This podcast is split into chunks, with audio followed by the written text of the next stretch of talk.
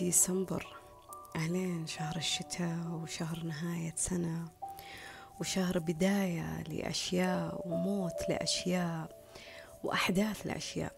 دائما أحس أنه ديسمبر طاقته طاقة اللي في أشياء تموت سواء كانت أرواح ولا أجساد ولا أماكن ولا أحداث ولا علاقات ولا أحلام. ودائما أحس فيه إنه نهايته أو في وسطه تصير بداية لأشياء. يعني دائما هو الشهر اللي يكون فيه تصفية للأحداث من حولك. أقصد بكلمة التصفية بمعنى إيش؟ بمعنى إنه هو شهر انتهاء وابتداء أشياء في الحياة. في كثير ناس تختلف معايا بهذا الشيء لكن أنا أعتبره رأي شخصي بالنسبة لي. في أحداث على مدار سنوات عشتها في حياتي خلتني أقول أنه ديسمبر هو بداية لنهاية لأشياء في الحياة. أيا كانت في أي جانب في جوانب الحياة. طيب بما أنه في ناس تسمعني وتحب تحلم وتحب تتخيل وتحب تكتب أحلام وتحب تتمنى أحلام وتحب تصحى وتدعي في سجادتها لرب العالمين في دعوات لأشياء تبغاها في حياتها. بما أنه في ناس تسمعني عندها احتياجات عندها رغبات عندها طموح عندها أحلام عندها أشياء تتمناها في حياتها إيا كنت من الأشخاص اللي تكتب هذا الشيء أو ما تكتبه. أنا هنا اليوم أبغى أتكلم عن تفاصيل معينة في هذا الشهر في ديسمبر لربما أنها ممكن تساعدك في السنة الجديدة اللي راح نعيشها. نسأل الله فيها أن يمدنا فيها بالصحة وبالعافية وبالقبول وبالتفاصيل الحلوة اللي نقدر نعيشها مهما كان سوء الأحداث اللي نمر فيها في هذه اللحظة اللي أنت جالس تسمعني فيها. ديسمبر شهر حنون. حتى لو كنت تحس بشعور سيء فيه ترى شهر حنون. شهر يخليك تكتشف الحياة العلاقات روحك تكتشفها على حقيقتها. يمكن أنا بالغ في الكلام اللي أنا أقوله لكن والله العظيم لو أخذت ديسمبر بعمقه بعمقه راح تفهم. سبحان الله شهر يكون في ثلج شهر يكون في مطر شهر يكون في تغير في الطقس شهر يكون في تفاصيل جدا جميلة. هذه الأشياء إذا كانت جالسة تسير في الدنيا مع حوالينك في الطقس لها تأثير حتى على روحك ترى. فما بالك على روحك أنت؟ لها تأثير ترى. ف... فاليوم أنا أبي أخاطب روحك. أنت بشكل شخصي. ما أبغى أتكلم عن, عن الناس وتأثيرها عليك. ما أبغى أتكلم عن الحياة وتأثيرها عليك. اليوم أبغى أتكلم معك أنت بشكل شخصي. أنا وأنت جالسين مع بعض وتسمعني وأنا جالسة أشرب قهوتي وأتمنى أنك أنت جالس تشرب شيء أنت تحبه. وجالسين نخوض حوار حوار حوار بعيد عن فلان ليه ما يعطيني فلان ليه ما يحبني ما لقيت الدعم ما لقيت القبول ما لقيت الناس اللي تكون معي. فاطمة أهلي فاطمة مجتمعي فاطمة الناس فاطمة أصحابي. لا لا لا. أنا اليوم بتكلم معك أنت بشكل شخصي عن روحك عن مشاعرك عن عن قلبك عن احتياجك أنت عن رغبتك أنت عن حلمك أنت عن طموحك أنت بعيد عن اتصال أي شيء. في الناس. اليوم أبغى أتكلم عن أولوية روحك بعيدا عن الكرة الأرضية. أنت وبس. إيش هي الأولوية الخاصة فيك؟ إيش هي الأولوية الخاصة فيك أنت؟ هي أشياء صارت في الحياة أو أحداث صارت في الحياة. خلتنا نتفاعل معاها بشكل مؤلم. خلتنا تسرق مننا أجمل أشياء هي ممكن تساعدنا إحنا بشكل شخصي. يعني أشياء سرقت منك طاقتك أشياء سرقت منك وقتك أشياء سرقت منك لحظتك الحلوة أشياء سرقت منك هدوءك واتزانك أشياء سرقت منك الجانب الكويس. شوفوا أنا أؤمن أؤمن أنه كل إنسان على وجه الأرض عنده جانبين. جانب شرير وجانب خير. جانب فيه النور وجانب فيه مظلم لكن إيش اللي تختار أنت تنميه؟ إيش اللي تختار أنت تبينه؟ إيش اللي تختار أنت تستند وترتكز عليه؟ أنت اللي تقرره. أنت اللي تقرره يعني في ناس تختار إنه السوء هي يكون السائد في حياتها وفي ناس تختار إنها تكفل على هذا السوء في إظهار الجانب الخير في حياتها فأنت اللي تختار هذا الشيء لأنه الحياة هي سلسلة من الاختيارات ترى على فكرة. الحياة سلسلة من الاختيارات. أنت اللي تختار فيها الحب ولا البهجة ولا الامتنان ولا الأمان ولا السعي ولا الطمأنينة. أنت اللي تختار تبين ردة فعلك أو, أو تكبتها أنت اللي تختار تغير من سلوكك أو تستمر عليه. كان عمق هذا القرار أو الاختيار اللي أنت تسويه في حياتك. مهما كان الخوف أو القلق اللي يسوده ويتحكم فيه أبيك تستوعب حاجة إنه ما في حاجة صحيحة مية بالمية في الحياة. ما في. ما في شيء هو الحقيقة المطلقة في الحياة. ما في. الموت وهو الموت وهو الحقيقة المطلقة في الحياة اللي ما في أي بروفيسور ودكتور على وجه الأرض يقدر ينعش هذه الروح ويحييها من جديد ما يقدر يقول لك إيش ممكن يصير ما بعد هذا الموت. كل الأديان تحكي عن ثقافة الموت أو أو لغة الموت إيش ممكن يصير فيها؟ بطريقتها. أنت لو تقرأ في الدين الإسلامي أنت لو تقرأ في المسيح أنت لو تقدر تقرأ في البوذية لو تقرأ في أي ديانة على وجه الأرض راح تكتشف إنه كل ديانة عندها لغة معينة فماذا يحدث بعد الموت؟ والناس تختلف في هذا الشيء. فما في حقيقة مطلقة مية بالمية. ما في إجابة صحيحة مية بالمية لكل التساؤلات اللي أنت جالس تبحث عنها. ما في. ما في اختيار أو قرار صح مية بالمية. ما في. كل اللي يدرسون ويكافحون في الدراسة ما يقدرون يضمنون لك مية بالمية أنهم راح يكونون في المكان اللي هم حلموا فيه في الوظيفة مثلا. كل اللي بنوا حياة أسرية قررت أنها تتزوج واستخارت ما تقدر تضمن لك مية بالمية أنه هذا الشخص هو اللي ممكن يكون توأم روح في يوم من الأيام.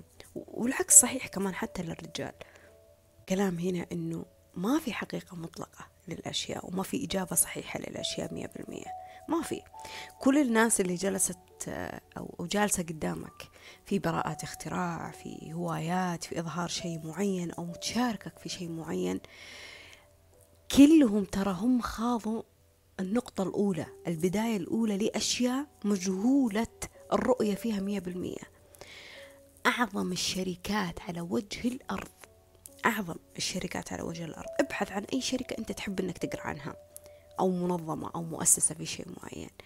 إلا ما تلقى عندها دائما في حاجة يسمونها طبي. خطة بي إيش معناها؟ يعني إنه أنا والله لو ما نجحت معايا خطة ألف أجي لخطة باء. والله أنا لو ما نجح معي هذا الطريق عندي حاجة أقدر أسند عليها في تفادي هذه الخسارة. حتى الناس اللي تدخل في سوق الأسهم مثلا في الاقتصاد المالي تقول لك لازم أنت ما تلعب في ادخارك أنت ما تلعب في الأشياء الأولوية والأساسية أنت دائما تغامر في الأشياء اللي غير محتاجها في الوقت الحالي. ليه؟ لأنه في شيء قابل للخسارة وفي شيء قابل للربح. كنت تبحث عن إجابة مطلقة وإجابة أساسية وحقيقية لكل الأحداث اللي تصير في حياتك مستحيل تلقاها. مستحيل. أهلك راح يعطونك إجابات معينة. تطلع من البيت إلى المجتمع المجتمع راح يعطيك إجابات معينة. أصحابك باختلاف تربيتهم وأخلاقهم وتعليمهم وآرائهم في الحياة راح يعطونك إجابات مختلفة. مواقع التواصل السوشيال ميديا تدخل عليها كل واحد راح يعطيك إجابة مختلفة. إذا يا فاطمة فين ممكن أنا ألقى الإجابة الصحيحة؟ فين ممكن ألقى الإجابة اللي يطمئن لها قلبي يا فاطمة؟ كيف ألقى الإجابة الصح طيب؟ كيف كيف أفهمها؟ كيف أعرفها؟ كيف ألقاها؟ كيف أعرف أنه هذا الشيء هو اليقين والشيء الصح اللي ممكن يصير في الحياة؟ إذا أنت تقولين أنه أنه كل القرارات والاختيارات اللي جالسين نشوفها في الحياة ما فيها إجابات صحيحة مية بالمية على كل حال. ما فيها ما فيها حقيقة مطلقة من كل حاجة. اعتبرها هذه نقطة أولى. الحياة عبارة عن سلسلة من الاختيارات. يا إما أنت تختار فيها الحب والسعادة والسعي والبحث والأمان والطمأنينة أو أنت تختار فيها التعاسة والكآبة وضيقة الصدر والاختناق من كل حاجة. يا أنت تختار الأشياء اللي هي تريحك هي اللي تسعدك هي اللي تطمنك هي اللي تشفي غليلك من الأشياء وترضي ضميرك. يا أما أنك أنت تختار الأشياء اللي تتعسك وتتعبك وتستنزفك ولا تحيي في أي جانب في روحك المفروض أنك أنت تولع اللمبة فيه وتشوفه. استفتي قلبك وإن أفتاك الناس وأفتوك. الرسول عليه أفضل الصلاة والسلام في واحد من أجمل الأحاديث اللي, اللي, اللي استوعبتها هذه السنة. البر ما سكنت إليه النفس وأطمأن إليه القلب والإثم ما لم تسكن إليه النفس ولم يطمئن إليه القلب وإن أفتاك المفتون. فأنت شوف إيش الأشياء اللي اللي اللي تدور فيها على راحتك وإجاباتك الخاصة اللي تناسبك وتريحك. شوفوا ثمانين بالمية ثمانين بالمية هي لأشياء أنت متحكم فيها في مشاعرك وأفكارك. لكن عشرين بالمية خليني أقول آه، وأعتبر هذا النسبة دراسة شخصية بالنسبة لي أنا. عشرين بالمية هي أشياء خارج عن سيطرتك في هذه الحياة. يعني مثلا ممكن أنت جالس تسمعني أنت ما أنت في مجال وظيفي أنت حابه. ما كنت تطمح كذا. لكن خلاص هذا اللي متوفر عندك في بلدك في مكانك في منطقتك في الحياة, في الحياة اللي أنت عايشها. لكن الثمانين بالمية هنا أنت تقول أنا أختار فيها أقدر أتحكم في الراتب اللي أنا أستلمه. مهما كان المبلغ كبير صغير أنت تتحكم في أشياء. يعني لو يكون يروح في كهرباء وأكل وأشياء أساسية على الأقل لو لو مية ولا خمسين ريال يروح في شيء يسعدك. في في سينما تروح لها في موسيقى تشتريها في كتاب تقرأه في لبس انت تحبه في تيشيرت انت تحبه في هدية تقدمها في هدية تقدمها لنفسك في جوال انت تشتريه. حاجة تسعدك. إن شاء الله لو تقصد هذا الجوال ولا اللابتوب أنا ما يهمني. إنه يهمني مو تضغط نفسك وديون طبعا لا. لكن اللي يهمني إنه في جانب جالس تسوي لي حاجة أنت تحبها في حياتك. من الثمانين بالمية هذه أنت اللي تختار فيها. أعرف ناس بشكل شخصي والله العظيم ما أبالغ. أعرف ناس بشكل شخصي كل يوم يدورون يداومون في مكان هم ما يحبونه. هم ما يبغونه لكن هذه الفرصة الوظيفية المتاحة قدامهم. إيش يسووا؟ لكن والله العظيم إنه جزء كبير من راتبهم بعد التزاماتهم الشخصية ما يسترخصون في شيء لسعادة أرواحهم. أبدا أبدا. يروح عمرة يروح جد يروح يسافر آه، آه، يشتري تشتري أغراض آه، لنفسها تسعد نفسها تأثث غرفتها تسوي أي حاجة تساعد فإنها تسعدها. فهي قد ما إنه إنه الشهور أو الأيام اللي عاشتها في في ضغط عمل قد ما إنه لما يجي تم إيداع الراتب في شيء يغير مزاجها هنا. في شيء هنا يحيي شيء فيها. في شيء هنا يرضي اختيار هي اختارته. هي اختارته. غيرها ممكن يعيش في تعاسة. حتى لو يشتري شيء يسعده ما ما ما يقرر إنه يكون سعيد فيه. لغة الامتنان والحمد مع رب العالمين وهي واحدة من الأسرار اللي أنا أبغاك تفهمها. عشان كذا ربي قال قليل من عبادي الشكور. هذه اللغة إنه الحمد والامتنان ما يجي بس في استجابة دعوة ترى. الحمد والامتنان ما يجي بس باستمرارية نعمة. يعني اليوم بس عشاني أنا في صحة وفي عافية أو اليوم عشان ربي استجاب لي دعوة مثلا في حلم أنا أبغاه يعني أقول الحمد لله وشكرا يا رب وأنا جدا سعيدة. لا الحمد هو رضاك في قسمة رب العالمين لك بالقضاء خيره وشره. أنت راضي راضي الحمد لله على الوفاة. الحمد لله على الحياة الحمد لله على الصحة الحمد لله على التعب الحمد لله على الغنى الحمد لله على الفقر. قادر في دائرة نقصك تذكر الله وتشكره وتحمده. وقادر في اكتمال احتياجك تذكر الله وتشكره. في ناس إن زادت نعمتها نست ربي وفي ناس إن نقصت نعمتها سخطت من ربي. ومن الحياة. واحدة من الثقافات حقت الامتنان أو اللغة. الربانية بالامتنان اللي انت لو تعلمتها راح تسهل عليك أشياء في التعامل مع مع روحك في الحياة. وروحك هي أهم كل ما في الموضوع اللي أنا جالسة أتكلم عنه. فدور على الإجابات الخاصة فيك اللي تناسبك اللي تريحك. اللي تناسبك اللي تريحك. والله أعرف مرة واحدة من البنات جاها تخصص في جامعة التخصص ده مطلوب. مطلوب. يعني هي لو دخلته الضمانة بالله طبعا لكن, لكن هي لو دخلته هو مطلوب في سوق العمل. كان ممكن أنها تتوظف بطريقة أسهل. لكن هي دخلت تخصص هي تحبه. قالت أنا معني أنا أحبه. فلما سألتها أنا استغربت صراحة.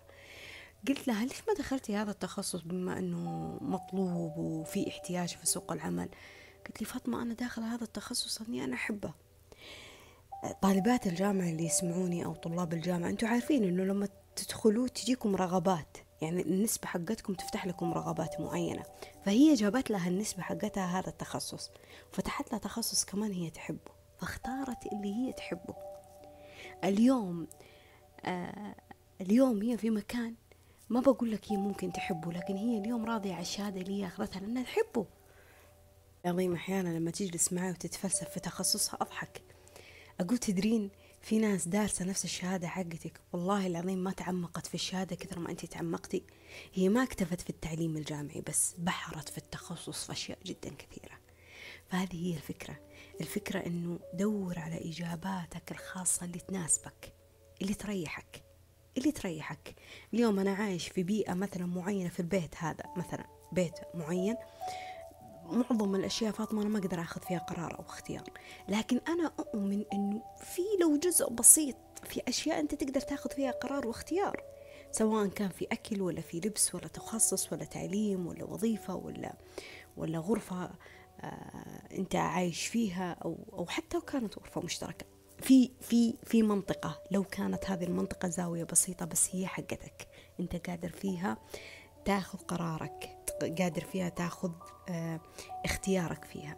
هذا الشيء انت اللي تختار فيه انك تكون فيه آه متقبل أو تعيس أو حزين أو سعيد فيها. انت اللي تختار.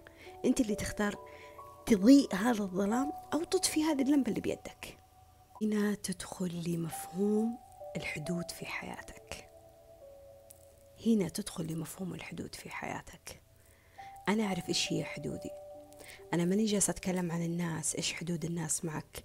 أنا أفهم إن الناس مفروض إنها تحترمك الناس مفروض إنها تساعدك الناس مفروض إنها تقدم لك الدلعون الناس مفروض إنها ما تعاتبك كثير الناس مفروض ما تضغطك الناس مفروض ما تحرجك الناس مفروض ما تكون عنصريين أو متنمرين معك الناس مفروض ما يكونون قاسيين معك الناس مفروض ما يخونونك. أنا أفهم هذا كله أفهمه. أفهم إن الأخلاق الحلوة مفروض الناس تبادرك فيها. لكن أنا هنا أتكلم عن حدودك أنت. إطارك الخاص فيك. إطارك الخاص فيك حدودك مكانك الحيز الخاص فيك أنت. هذا الحيز الخاص فيك أنت هو اللي تقدر فيه تاخذ القرار والاختيار اللي يناسب حياتك. شوفوا أنا ما في أحد يجي يصحيني الصباح يقول لي قومي اجلسي على الكمبيوتر وافتحي موسيقى ولا اقري كتاب ولا ابحثي عن موضوع تتكلمين فيه بودكاست ولا آه تعلمي اللغة ولا ادخلي دورة معينة. ما حد. يجي يقول لي فاطمة السلام عليكم. آه ادخلي هذا الرابط فيه وظائف معينة ولازم تقدمين عليها. حتى لو عندي ناس حابة لي الخير لو أنا ما بنفسي سعيت ودخلت على هذا الموقع وقدمت بيطنشوا. الناس ممكن تساعدني فيها مرة ومرتين وثلاثة وتقدم بدالي. بس بعدين بيقولون إحنا ندف شخص ما يبغى يدف نفسه بكل بساطة. فهنا في حدودك. حدودك حدودك حيزك اللي أنت فيها تاخذ قرارك واختيارك. أنت لك القرار والاختيار إنك تداوم أنت لك القرار والاختيار إنك تدرس أنت لك القرار والاختيار إنك تنجح في هذه المادة أنت لك القرار والاختيار إنك تتزوج أنت لك القرار والاختيار إنك تحملي أنت لك القرار والاختيار في إنك تربي طفلك تربية كويسة. أنت لك القرار والاختيار في إنك تختار لبسك ولا طريقة أكلك ولا إيش الشيء اللي تبغى تشوفه إيش الشيء اللي تبغى تسمعه. هنا حدودك هي أطارك الخاص فيك؟ الحد اللي ما يحق لأي بني آدم يحاسبك فيه ما يحب يعني أنا ما ما عندي أحد يجي يحاسبني ليش جالسة تقرين هذا الكتاب؟ ما حد. من أهلي إلى برا أهلي. مهما كانت عمقي في الناس اللي أنا أعرفهم. ما في أحد يجي يقول لي ليش تقرين كتب؟ ليش فلوسك هذا جالسة تحطينها في الكتب؟ ما في. ليه؟ لأنه قرار شخصي. قرار شخصي. شايف الجوال هذا اللي هو منطقة أمانك منطقة حدودك وشخصيتك؟ هو إطارك الخاص اللي أنت حاط عليه باسوردك الخاص فيك؟ هذا الجوال هو نفسه حياتك هو نفس حياتك. أنت حر في الخلفية اللي أنت حاطها أنت حر في الكفر اللي تحطه أنت حر في البرامج اللي تحملها أنت حر في الأشياء اللي تتابعها الأشخاص اللي تتابعها أنت حر في الاستوديو إيش تحذف فيه إيش تضيف فيه. حياتك نفس الحكاية. حدودك نفس الحكاية. أنت حر في ملعبك. تقدر تسوي أي حاجة في ملعبك. وما حد يحق لا يحاسبك. يعني مثلا أنا ما يجيني أحد يقول لي ليه حاطة ال password هذا؟ غيريه حطي هذا ال password. ببساطة أقدر أقول للشخص ما لك دخل. صح ولا لا؟ هذه حدودي هذا حقي هذا ملكي. ما لك حق تتحكم في ال password حقي. أنتوا تدرون حتى في العلاقات الكبيرة اللي هي العلاقات الزوجية إنها تفتح وتفتش جوال زوجها ولا يحق للرجل إنه يفتش آه، ويفتح جوال زوجته. فما بالك في العلاقات اللي هم صداقة ولا أهل ولا في خصوصية في إطار خاص فيك أنت. هذا حدودك أنت. هذا حدودك. أنت لعمر معين بتكون مسؤول من أهلك. لعمر معين أنت بتكون مسؤول عن أهلك. بس مسؤول من أهلك. عمر معين بتكون فيها مسؤول من أهلك. لكن لعمر معين مجرد ما تطلع يطلع إثبات شخصي وجواز سفر وإقامة ولا حاجة خاصة فيك أنت أنت بتكون مسؤول عن نفسك فيها. ما هم أهلك مسؤولين فيها عنك. حتى لو لا قدر الله مشكلة في في قانون ولا حاجة تعال أنت ما راح نسجن أبوك ولا أمك بدالك. ليه؟ لأنك أنت بالغ واعي فاهم. نفسها نفس العبادات حتى. أنت لعمر معين مسؤول منهم في تربيتك في تعليمك في تعليمك كيف تصلي كيف تصوم آه، كيف تتوضأ. لكن لعمر معين خلاص انت مسؤول عن صلاتك انت مسؤول عن صيامك انت مسؤول عن توجهاتك وارائك الدينية انت المسؤول. النهايه أنت اللي راح توقف أمام رب العالمين حسب على كل التفاصيل اللي انت تسويها في حياتك. فهنا افهم فيها حدودك اللي بسببها تاخذ قرار أو اختيار في حياتك. أنا أعرف إن إحنا بشرية منا كاملين يعني مستحيل تكون اختياراتنا وقراراتنا مية بالمية كاملة أو مثالية أو جميلة أو سعيدة أو إيجابية. أكيد إحنا بشر منا خاليين من ذنوب منا خاليين من تخبطات منا خاليين من من فوضى. لكن على الأقل نحاول نحاول نفهم فيها أنفسنا نحاول فيها نفهم الإطار الخاص فينا.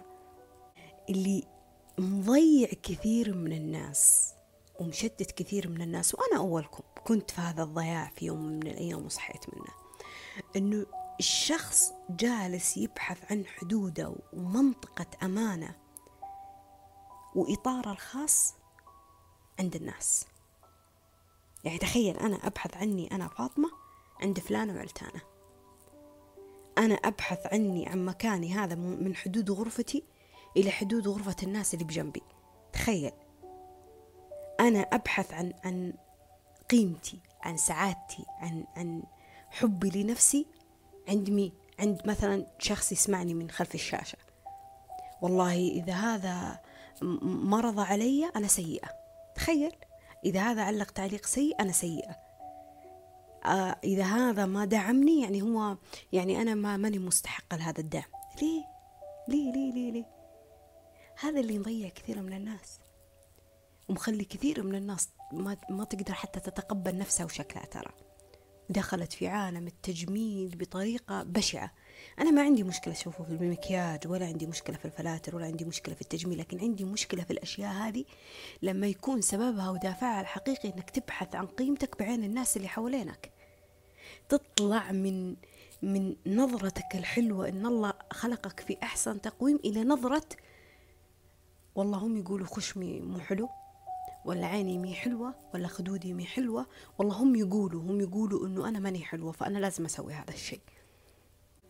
ما ما حاولت إنك ترضي الناس ما راح ترضيهم ولا راح توصل للل level اللي يخليهم يقولون أوه برافو أنت wow شخص جميل جدا. لا إلا ما راح تلقى ناس تعايب عليك في شكلك في ملامحك في لونك في style لبسك في رائحة عطرك في طريقة مشيتك في طريقة شعرك.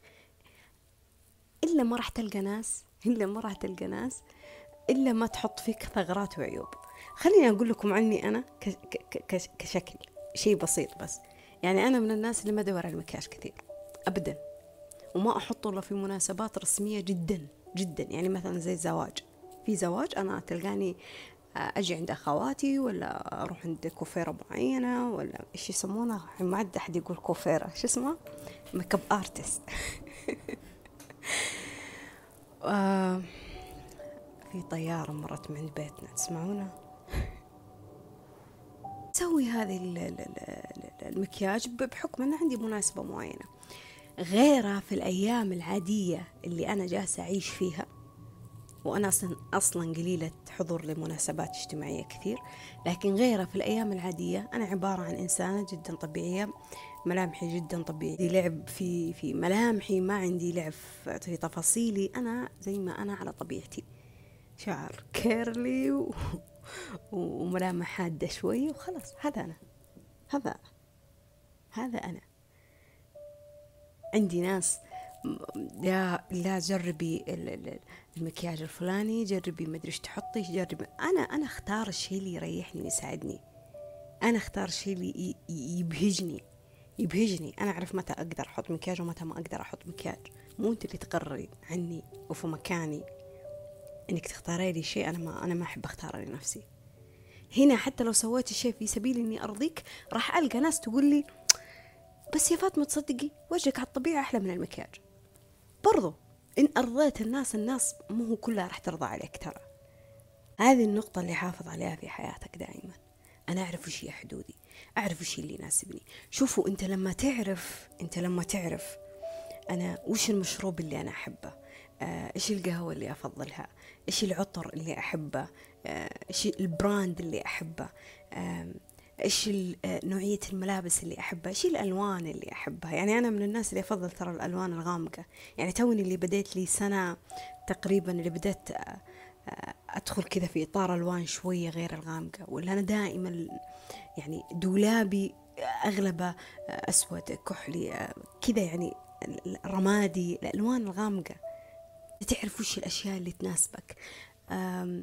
أعرف نوع الساعات اللي إحنا أحبها أعرف إيش الألوان الكفر اللي أنا أحبها أعرف إيش روائح الشموع اللي أنا أحبها أعرف إنه في تفاصيل عميقة. إيش المسلسل المفضل عندي؟ إيش الأغنية المفضلة عندي؟ إيش الصورة في القرآنية المفضلة عندي؟ إيش العبادة اللي من عبادات تقربنا لرب العالمين؟ هي مفضلة عندي. في ناس تحب صلاة الوتر في ناس تحب صلاة الضحى. أوكي أنت كل العبادات بتسويها لكن في في في عبادات هي قريبة لك. كل صور القرآن أنت تحبها لكن في صور هي قريبة لقلبك. تعرف إيش هي؟ الطريقة أو أو الوسيلة اللي تكون فيها قريب لله في في العطاء مع الناس، في ناس تحب تتصدق على الحيوانات، في ناس تحب تتصدق على البشر، في ناس تحب تعطي للطبيعة، في ناس تحب تعطي لحدود الناس اللي حوالينها، فهذا فهم للنفس ترى على فكرة، هذا فهم للناس للناس اللي تبحث عن معنى لحياتها وفهم لنفسها هذا هو. هذا فهم للنفس ترى على فكرة. يعني أنا فاهم فاهم مزاجي إيش يحب بالضبط. يعني أنا لما تجيني أحد وتقول لي والله يا فاطمة مزاجي في قهوة تركي أعرف أنها هي هي تفضل الشيء هذا مزاجها. ما أجي أقول لها لا إجباري تحبين النسكافيه أنت ذوقك سيء. ليه؟ هي فاهمة نفسها هي عارفة وش اللي اللي اللي يدغدغ شعورها في القهوة. فما بالك في العلاقات. أنا أعرف إيش الشيء اللي يناسبني في العلاقات. حتى لو ما راح ألقى ناس تناسبني مية بالمية في هذا الشيء لكن يكفي إنه في أشياء أنا أحبها في هذا الشخص. أنا أحبها في هذا الشخص. إحنا إيش مشكلتنا؟ ضعنا. ضعنا. بدل ما أنا آه ما أنا أشوف إيش الشيء اللي يناسبني في هذه العلاقة صرنا نشوف إيش الشيء اللي يناسب الشخص الثاني في هذه العلاقة. وبدل ما إني أنا أطرح الشيء اللي أنا أبغاه في العلاقة يعني أقول الشيء اللي أنا أبغاه في العلاقة اللي أنا يناسبني منطقة أماني وراحتي أنا اللي أنا أبغاه هذا حدودي. صرنا إيش؟ نحارب الناس على الأشياء اللي هم يسوونها. ثقافة العيب والعادات والتقاليد والصح والغلط والحلال والحرام ترى تختلف من بيت لبيت ومن تعليم لتعليم ومن أخلاق لأخلاق ومن نضج لنضج ترى على فكرة. انت ما راح تدخل في علاقات مع الناس عشان تعيد تربي تربيتهم من جديد. انت ما تدخل مع الناس عشان بس تهديهم للطريق المستقيم. ما تقدر. انت تدخل مع الناس عشان تكتسب خبرة في ثقافة في اختلاف في لغة في حوار في أشياء مختلفة عنك. هذه نقطة. النقطة الثانية أنت عارف فيها حدودك. عارف فيها إطارك. فأنا ما يحق لي إني أحاسب الناس على تصرفاتهم لكن يحق لي إني أنا أحاسب نفسي على تصرفاتي في اللي سمحت فيها للناس يسوونها معي. ليش المقطع حيكون طويل شوي لكن؟ ديسمبر. وصدقوني راح يساعدكم في أشياء كثيرة. أعطيكم على سبيل المثال في واحدة مرة من البنات كلمتني قالت لي إنها آه، كشفت الشخص اللي, هي تحب إنه هو خانها فقلت لها قالت لي إيش أسوي؟ أنا لازم أنتقم منه أنا لازم أسوي ولازم أفعل ولازم ما أدري إيش. و... والله لا أكرهها في حياتها. و... يعني تعرفوا الإنسان لما يكون زعلان يقول كلام كبير يعني شوية. فقمت قلت لها أنا ها أنا شوفي اسمعيني اسمعيني اسمعيني بمنطقية وبعقل واعي وفاهم ومدرك. أنا حزينة جدا للتجربة اللي أنت جالسة تعيشينها. ما أتمنى في يوم من الأيام إني أنا أعيش مع شخص يطلع كذاب ولا خاين ولا شخص جالس يستغفلني أو شخص جالس يقصر في حقوقي في سبيل إنه يعطي حقوقي أنا اللي جالسة أشاركه حياتي لشخص ثاني. أنا فاهمتك. شيء يبكي شيء يحزن شيء يضايق شيء يدخل في دراما. من حقك الحزن هذا من حقك. لكن لكن من حقك على نفسك إنك ما تسمحي للظلم إنه يتمارس عليك. من حقك لنفسك إنك تدافع عن حدودك عن مملكتك عن مكانك اللي هي مشاعرك وأفكارك وجسدك وأفكارك وتعبك وطاقتك وعمرك وكل شيء. من حقك إنك إنك ما ترضين الظلم على نفسك. هذا من حقك. أنا هنا ما أبغى أحاسب فلان على سوء تصرفه ولا اختياره ولا الغلط ولا الظلم اللي سادوا عليك. أنا هنا أحاسبك أنت لو سمحتي لهذا الظلم إنه هو يتمارس عليك. يتمارس عليك.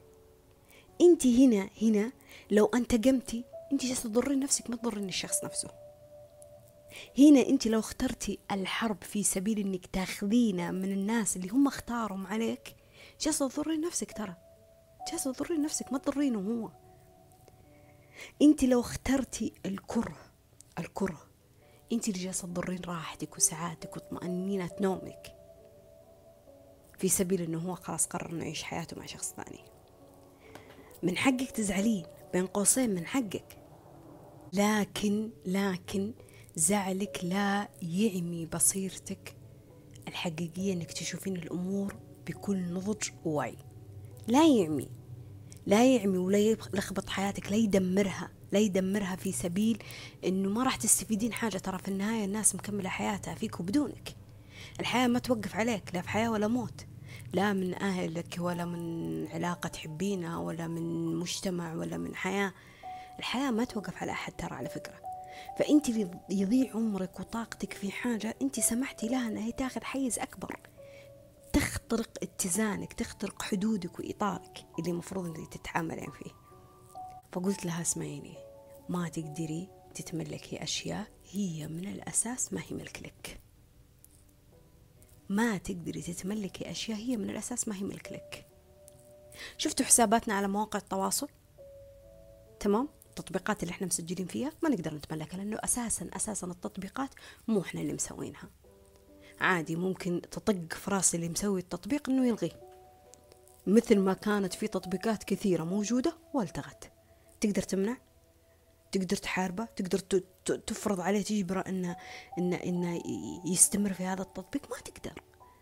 لكن ممكن يجي شخص بفكر جديد آه لتطبيق بديل بطريقة معينة في سبيل إنه يرضي المجتمع اللي زعلان عشان التطبيق هذاك راح نفس الحكاية. العلاقات هي ما هي ملك لك وإن كانت حتى مرتبطة بعقد نكاح ترى على فكرة. ما حد مالك أحد. افهموا هذا الشيء. ما حد مالك أحد. ما حد هو ملك لأحد.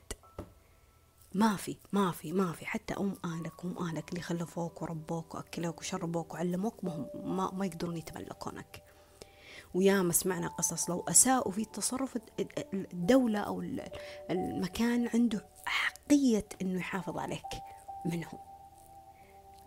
ليه؟ لأنه ما في أحد ملك لأحد. ما في أحد ملك لأحد. أنت ملك لنفسك وملك لرب العالمين أولا وأخيرا. أنت لما ترتبط في عقد ما بينك وبين شخص. هذا العقد يقوم على المودة وعلى الرحمة وعلى المشاركة وعلى الحب وعلى العطاء. إيه بس ما يكون في استعباد ولا امتلاك ترى. ما يكون فيه يعني ثقافة السيطرة في إنه هذا الشخص هو ملك لي هذه هذه هذه فكرة مغلوطة أنت لازم تتحرر منها.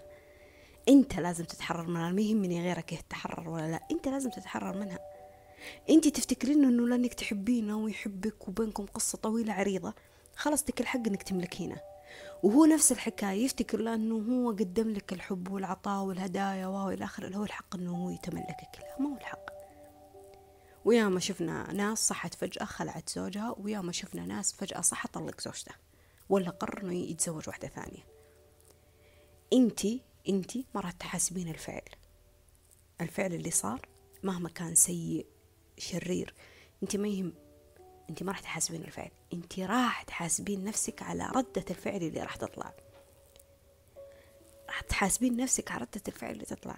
أنا هنا ما راح أقول الكلام المبتذل اللي يقولونه ما خليك قوية ولا تبكين ولا راح تحزنين لا طبيعي راح تزعلين على نفسك وعلى السنين اللي قضيتيها والعشر اللي قضيتيها وراح تتضايقين. أكيد هذا الطبيعي. إنسانة أنت في النهاية. في شيء كنتي متأملة فيه جتك خيبة فيه صدمة فيه. هذا الطبيعي. اللي مو طبيعي اللي مو طبيعي إنه ردة فعلي تكون سبب في تدمير ما تبقى من العمر اللي أنا جالسة أعيشه. هذه المصيبة. إني أنا أبغى آه، أتملك أشياء هي من الأساس ما هي ملك لي وأدافع عنها وأحارب عنها وأضيع عمري وأضيع طاقتي. هي الحياة أكثر. أكثر من كذا. البارح البارح أنا في حوار مع أختي أقسم بيت الله البارح. قالت لي عبارة من ضمن سواليف إحنا نسوي إيش قالت لي؟ قالت لي فاطمة ليش الانفصال؟ يعني هي قصدها الطلاق والانفصال بين المتزوجين. دائما ما ينتهي إلا بقلة أدب ما ينتهي إلا بمشاكل. ليه يعني مثل ما أبتدى الموضوع بهدوء ومعروف ينتهي الموضوع بإحسان. ليه دائما نسمع الطلاق هذا في أغلب عند الناس ما ينتهي إلا بعد سب وشتم ويعني ما كأنه في أطفال ما كأنه في عشرة ما كأنه كان في يوم من الأيام أشياء حلوة. على أنه في بعض من الناس ما تقبل الخسارة. ما تقبل الخسارة. فتفتكر إن لها الحق مثل ما حبتك لها الحق إنها تدمرك. لا تفتكر إنه لها الحق إنها إنها تخترق حدودك في الوقت اللي ما تحب أحد يخترق حدودها. يعني أنت لو قررتي تتزوجين بعد وفاة زوجك راح تطلعين عند بعض الناس سيئة. أوه أنت ما صبرتي آه أنت عندك عيال المفروض تربينهم لكن الرجل لو قرر إنه يتزوج بعد وفاة زوجته إيه هو محتاج أحد يكون معاه أحد يشارك حياته. أنا ما أتكلم بشكل عام عند بعض الناس عند بعض الناس. عندهم هذا الفكر. ليش طيب؟ ليه؟ ليه؟ هنا انت سمحتي للدائرة اللي حوالينك ما بقول المجتمع لكن الدائرة اللي حوالينك إنها هي تأثر عليك. فتحسسك انه إنه استحقاقك للحب أو بداية جديدة في الحياة أو, أو اختيارك لتكميل دراسة أو اختيارك لإنك تحبين وتهتمين في نفسك شيء عيب. لا راعي عمرك لا راعي آه، حياتك لا راعي أبنائك لا راعي هي المنجس ان أقول في أشياء تصير تخالف العرف ولا الدين أنا جالسة أتكلم عن أشياء منطقية طبيعية الله أباحها. يجي بني آدم زيك يحرمها ولا ويحللها على ناس معينة. فهنا أنت اللي تفهم فيها حدودك. أنت اللي فيها تفهم حدودك. أنت أنت اللي تفهم وتستوعب إنه إنه ما نقدر نملك لا الماديات ولا الأشخاص ولا الأحداث ولا الأقدار ولا أي شيء حوالينك لكن تقدر تملك مشاعرك وأفكارك بأنك أنت تتحكم فيها بالطريقة اللي, اللي تناسب حدودك لأن هي منطقة أمانك وراحتك في الحياة. طول ما أنت موجود في منطقة حدودك ما حد يقدر يحاسبك وما حد له الحق في أنه يحاسبك. ما حد له الحق أنه هو يحاسبك فيها لأنه أنت حر فيها. هذا سربك. أنت حر فيها. تنام تسهر تسوي تفعل. في أغلب الأشياء هي هذه حدودك. هذه حدودك. لكن لكن لكن لكن لكن لو طلعت بس من مجرد المكان اللي هو إطار خاص فيك فأنت مجبر أنك تحترم القوانين اللي برا مجبر تحترم عرافة وتقاليد وعادات الناس مجبر أنها تحترم المكان اللي أنت عايش فيه مجبر إنك تتماشى مع الأشياء المتوافقة في هذا المكان. حتى لو كانت بعض الأشياء رأيك يخالفها. رأيك هذا احتفظ فيه لنفسك. أنت لا تسوي ذا الشيء ما في مشكلة. بس ما تقدر تمنع الناس إنها ما تسوي. وهذه هي حدودك. هذه هي حدودك. تضيع في زحمة إنك تدافع عن أشياء هي من الأساس ما هي لك. ويضيع فيها عمرك يضيع فيها وقتك يضيع فيها طاقتك في, في سبيل هداية وتربية الناس وانت لا هديت نفسك ولا ربيت نفسك. في سبيل انك تساعد في تحقيق أحلام الناس وانت لا حققت حلمك ولا تح... ولا فهمت نفسك. لا تبحث عن مكان هو مو مكانك. لا تضيع عمرك ومشاعرك وأفكارك في طاقة مكان هو أصلا مو مكانك وإنت مكانك ما أنت فيه. هذا اللي يسبب ارتباك وعدم اتزان لكثير من الناس. هو هناك مو هنا. هو هناك مو هنا. الوقت اللي كان مفروض إنه ينعطى في هناك كان مفروض إنه ينعطى لك لأنه أحق أنت من هذا الوقت اللي راح عليهم أحق ترى. فافهمني افهمني افهمني قبل ما انتقل للنقطة الثانية افهمني حتى توصل لمرحلة توصل لمرحلة لما تبدأ تفهم فيها وتعرف وش اللي يناسبك وش اللي ترفضه وش اللي ما تحبه وش اللي ما تتقبله. إذا في أشياء إحنا نقول الله هذه ريحة العطر ما تقبلها إذا هذه الأكلة ما تقبلها. والله هذا الشخص غثيث مثلا ماني قادر أجلس معه. فهمك للأشياء اللي تحبها وتتقبلها وما تتقبلها. فهمك لمزاجيتك وغضبك وعيوبك وثغراتك. فهمك لنقاط ضعفك في أشياء ووضع مواضع معينة. فهمت فهمك لكمالياتك وشهواتك ومادياتك. فهمك لجانبك المظلم قبل حتى الجانب المشرق في حياتك. هذه حكمة. هذه حكمة. تسمعوا بكلمة الحكمة؟ هذه حكمة لأنك بصير في نفسك وفاهم فيها. بصير في نفسك فاهم فيها عارف وش اللي يسعدك وش اللي يتعسك. يعني حتى لما تكون حزين أنت عارف ليه حزين. ترى في ناس على فكرة حزينة وهي ما عارفة ليه هي حزينة. وفي ناس سعيدة وهي ما عارفة ليه سعيدة. وفي ناس تخ... يعني تمثل السعادة وما هي عارفة ليه هي جالسة تمثل السعادة أصلا. أولى ما يهم فيها لو كانت الأشياء اللي تسويها سواء من قرار أو اختيار في إطار حدودك. تافهة؟ ما يهم. يكفي إنها تسعدك تريحك تطمنك تبهجك. خلاص. هذا بحد ذاته برافو. شيء مرة كويس إنك أنت وصلت لهذه النقطة. المشاعر اللي نحس فيها لها أسباب. أغلب المشاعر اللي أنت تحس فيها لها أسباب صنعت هذا الشعور اللي أنت تحس فيه. أيا كان الشعور اللي أنت تحس من خوف سواء كان غضب سواء كان احتياج أيا كان الشعور اللي أنت تحس فيه حتى لو كان سعادة وفرح دائما يكون في سبب خلف هذا الشعور هو اللي صنعه. أنا أدري أنه في مشاعر أحيانا تجي ما لها أسباب واضحة على الأقل في الوقت الحاضر اللي إحنا عايشين فيه. لكن مع الوقت مع الأيام تكتشف أنه في أسباب كانت فعلا هي سبب في في الشعور اللي أنت تحس فيه خصوصا للمشاعر الثابتة. وأنا أقصد هنا في المشاعر الثابتة يعني أنت طول الوقت غاضب طول الوقت محتاج طول الوقت ساخط طول الوقت تتحلطم طول الوقت حزين طول الوقت سعيد بطريقة آه، ساذجة. هذه هذه الأشياء الثابتة من الشعور يعني طبيعة الشعور واتزان إنه يكون ما بين آه خلينا نقول اون واوف ما بين ارتفاع وانخفاض. هذا الطبيعي هذا الطبيعي هذا الطبيعي إنه الإنسان يكون مرتفع وشعوره تمام بعدين يكون نازل شعوره يكون منخفض هذا الطبيعي.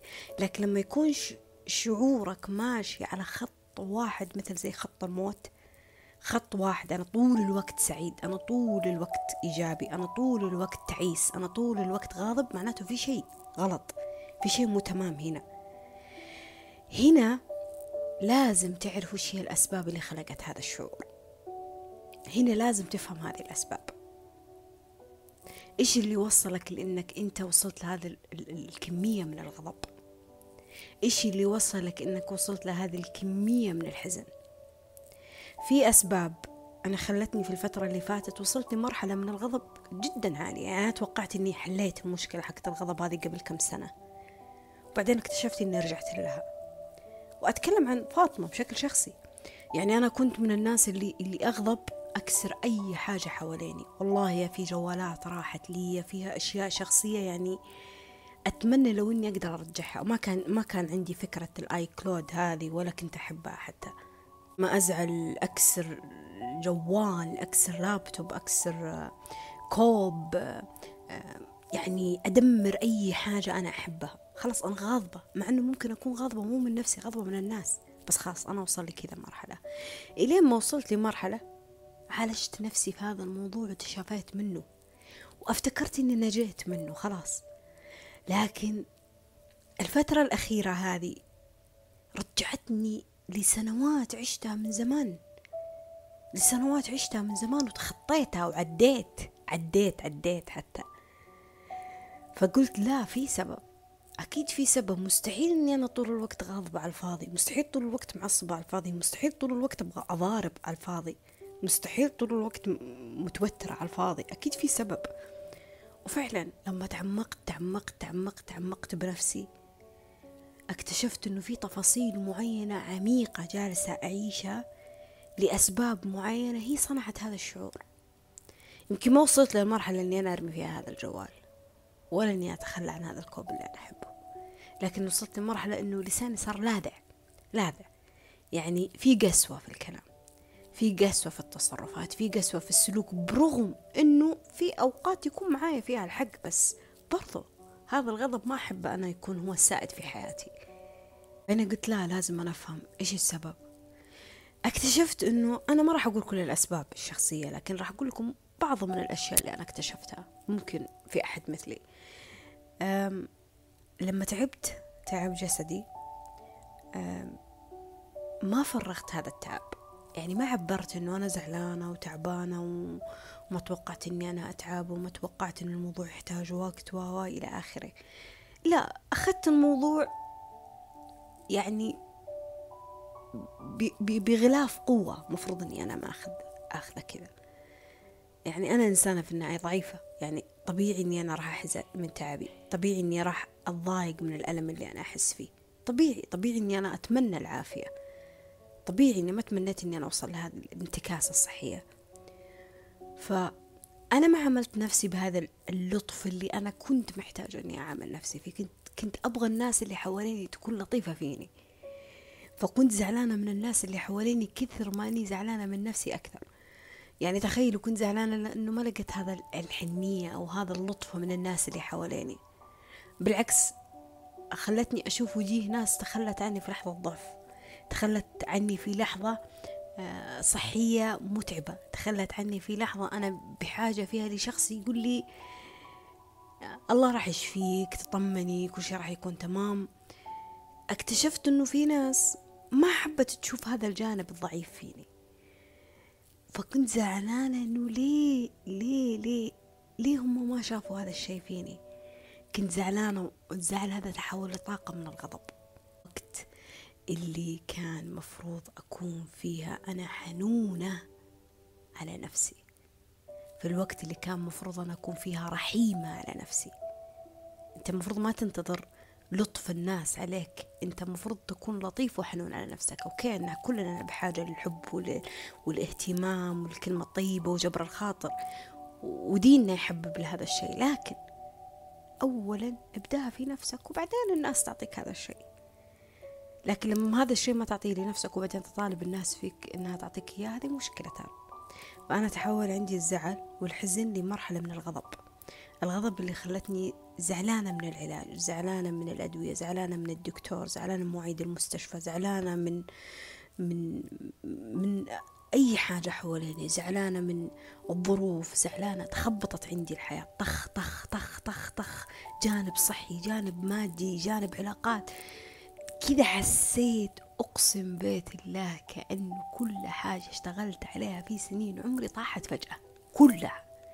شفتوا شفتوا لما تاخذوا كذا هرم تبنوا تبنوا تبنوا تبنوا بس غلطة بسيطة بسيطة. تسوي كذا انهدام للبناء كامل. أنا صار عندي كذا انهدام للبناء كامل. حسيت بالخواء بطريقة واو. متعبة. أقسم بيت الله حسيت بالفراغ المؤلم. حسيت إني إني أنا بردانة لأني أنا عارية وأنا أصلا ماني عارية أنا مدفية نفسي. حسيت إنه إنه حتى أبسط الحاجات اللي اللي كانت تسعدني في يومي انسحبت مني وانسرقت مني وانسلبت مني وانأخذت مني عنوة. أبسطها حتى لو كان الشركة اللي أنا أشرب منها كوب القهوة ليه تغير أسعارها؟ ليه؟ وليه ما ألقاه في أي مكان؟ ليه؟ وليه جالسة تنتج آه، تتلاعب في طعم القهوة وهي كان طعم القهوة حلو؟ تخيلوا لأي مرحلة أنا وصلت. من من أشياء كبيرة حتى أدق أشياء تفاصيل صغيرة أنا أحبها في يومي أزعجتني. فكان عندي طاقة غضب من العلاقات طاقة غضب من الصحة طاقة غضب من المال من الماديات من الأحلام طاقة غضب من الحياة. يا أخي زادت من من عيني الحياة. شفتوا اللي شخص جالس على كرسي وجالس ينتظر إيش بيصير بكرة؟ بدون هو ما عنده أي تلهف لبكرة. يهم هذا بكرة لو بيجي بالطريقة الصح ولا بالطريقة الغلط. ما يهم خلاص اسمه هو يوم راح يعدي. وصلت لهذه المرحلة.